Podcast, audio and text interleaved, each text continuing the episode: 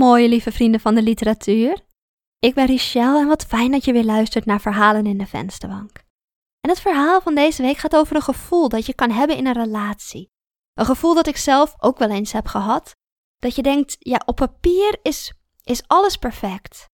Ik hou van deze persoon, hij houdt van mij, we hebben elkaar gevonden. Ik snap gewoon niet waarom ik niet meer gelukkig ben met deze situatie. Dat je denkt, iets klopt er niet, maar je weet niet helemaal wat. En ja, dat je dan, dat je dan de hele tijd aan het zoeken bent van wat is dan hetgene wat ik nog mis? Of, of wat is dan hetgene wat, er, wat je anders zou willen zien? En ja, dat je misschien zelfs wel een beetje je eigen relatie gaat saboteren om maar een, om maar een meer duidelijker punt te creëren waar, waarover je dan kan zeggen: kijk, dit is waarom het niet meer werkt tussen ons.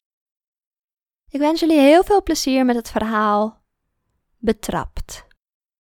Als je het verhaal mooi vond of het raakt je of je wil zelf iets vertellen over relaties waarin ja, je misschien jezelf niet helemaal begrijpt of je misschien de relatie hebt gesaboteerd, kom dan langs, bijvoorbeeld in de YouTube comments of op Instagram of op de website en praat mee, want we horen graag ook jouw verhaal.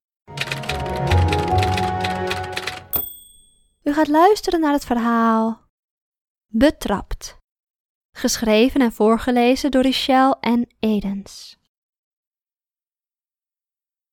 Ik sta in modderprut en half gesmolten sneeuw en tussen mijn vingers trilt een sigaret. Door de nicotine kalmeer ik iets, maar niet genoeg om te stoppen met trillen. Achter mij steken de roestvrij stalen spijlen van het hek omhoog, wit uitgeslagen van de kou, met ijskristallen die glinsteren in het bleke licht van de lantaarnpaal verderop. In de afgesloten school gloeit enkel nog het vage schijnsel van het nooduitgangbordje. Twee weken vrij. Veertien hele dagen gevuld met kerstbomen, schuimkransjes en schoonmoeder. Schoonmoeder of school. Ik weet niet welke van de twee vervelender is. Het brandende kegeltje van mijn sigaret heeft het filter bijna bereikt. Nog één hijs, nog één keer zoveel mogelijk voordat mijn vriend me komt halen. Hij is laat. Vanwege de sneeuw rijdt hij waarschijnlijk langzamer. Zo is hij, verstandig. Het eind van de straat blijft leeg. Nog eentje dan. Tegen de drie resterende sigaretten in het pakje leunt een joint die ik vanmiddag afpakte van een jongen uit mijn klas. Van Bas. Macho Bas. Ik steek de joint in mijn mond en met het vloeipapier tussen mijn lippen zoek ik mijn aansteker. Even schiet het speeksel van Bas door mijn gedachten. Heeft hij de joint zelf gemaakt? Heeft zijn tong dit vloeipapier dichtgelikt? In een kommetje van mijn handen steek ik de joint aan en ik neem een hijs. Twee keer, drie keer. Ik voel me niet echt anders, alleen iets. iets. Mm, lichter in mijn hoofd misschien? Ik snap niet dat mensen hier verslaafd aan raken. Ik trek mijn sjaal opzij en blaas de rook mijn kraag in. Tussen mijn jas en mijn trui zweven de wazige sliertjes een moment voordat ze verdwijnen en oplossen in de synthetische vezels. Een klakson. Ik kijk op. De blauwe opel van mijn vriend. Ik schiet de joint richting het schoolplein en stap in.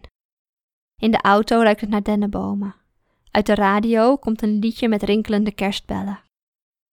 Mijn vriend kust me, vraagt hoe mijn dag was, of het nog lukte met de kerstrapporten. Hij vraagt naar details waarvan ik zelf alweer vergeten ben dat ik ze ooit heb verteld. Hij houdt van me en ik haat mezelf omdat ik niet gelukkiger ben. Langzaam, want hij is verstandig, rijden we over de besneeuwde wegen naar het huis van mijn schoonmoeder.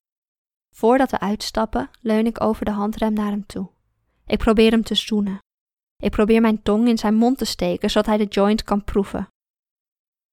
Hij zegt dat hij extra kleding voor me heeft meegenomen. Ik zeg dat dat niet nodig is, maar ik trek even goed de droge sokken aan. Wanneer we het tuinpad oplopen, vliegt de voordeur al open. Op de drempel staat mijn schoonmoeder in haar wollen vest met sneeuwvlokken. Iedere kerst draagt ze diezelfde trui, al zolang ik me kan herinneren.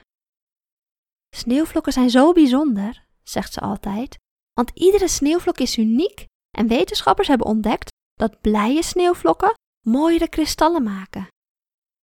Ik fluister ieder jaar tegen mijn vriend dat dat geen echte wetenschap is. Hij knijpt dan in mijn hand of been. Vandaag knijpt hij even in mijn hand en stapt daarna de gang in. Mijn schoonmoeder knuffelt hem eerst en wil vervolgens haar arm om mij heen slaan. Met een draai en een duik weet ik eraan te ontkomen. Ik trek mijn jas uit. Kort duw ik mijn neus tegen de schouder van mijn trui. Iemand moet toch ruiken dat ik heb gebloot? Als ze betrappen verandert er iets, dat moet wel. Misschien ben ik dan niet meer welkom in dit huis. Misschien maakt mijn vriend het uit. Misschien bellen ze zelfs de school en word ik ontslagen. Ga toch lekker zitten, zegt mijn schoonmoeder. Jij hebt de hele dag gewerkt, je zal wel moe zijn. Taart? Ik heb citroenkwarktaart gemaakt omdat ik weet dat je niet van zoet houdt. Ze duwt me een schotel in mijn handen. Ik kijk ernaar. Ik eet. En met mijn tong plet ik de kwark tegen mijn verhemelte. En? vraagt mijn schoonmoeder. Ik mompel dat het lekker is. Ze knikt. Over de bank schuif ik dichter naar mijn vriend toe, mijn trui tegen zijn bovenarm. Hij ruikt niets. Moet je proeven, zeg ik. Een hap kwarktaart duw ik in zijn mond. Mijn mouw duw ik expres tegen zijn neus. Wat lief, keert mijn schoonmoeder. Wat romantisch.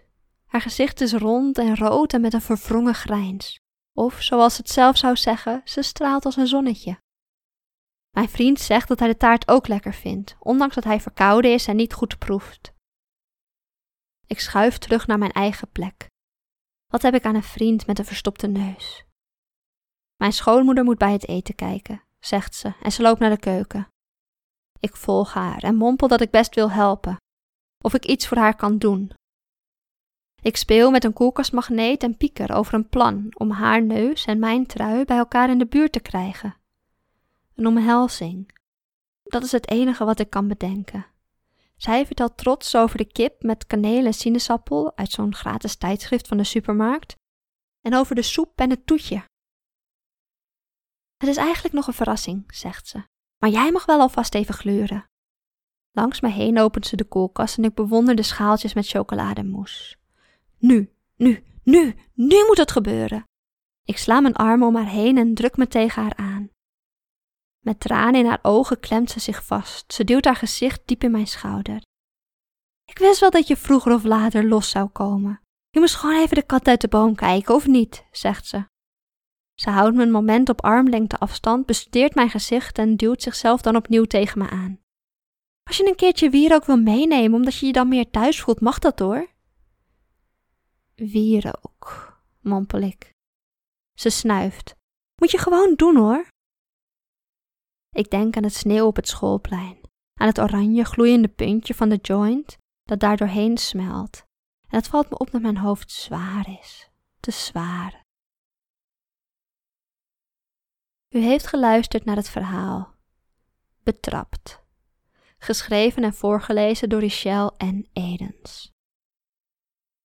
Hartstikke bedankt voor het luisteren naar dit verhaal.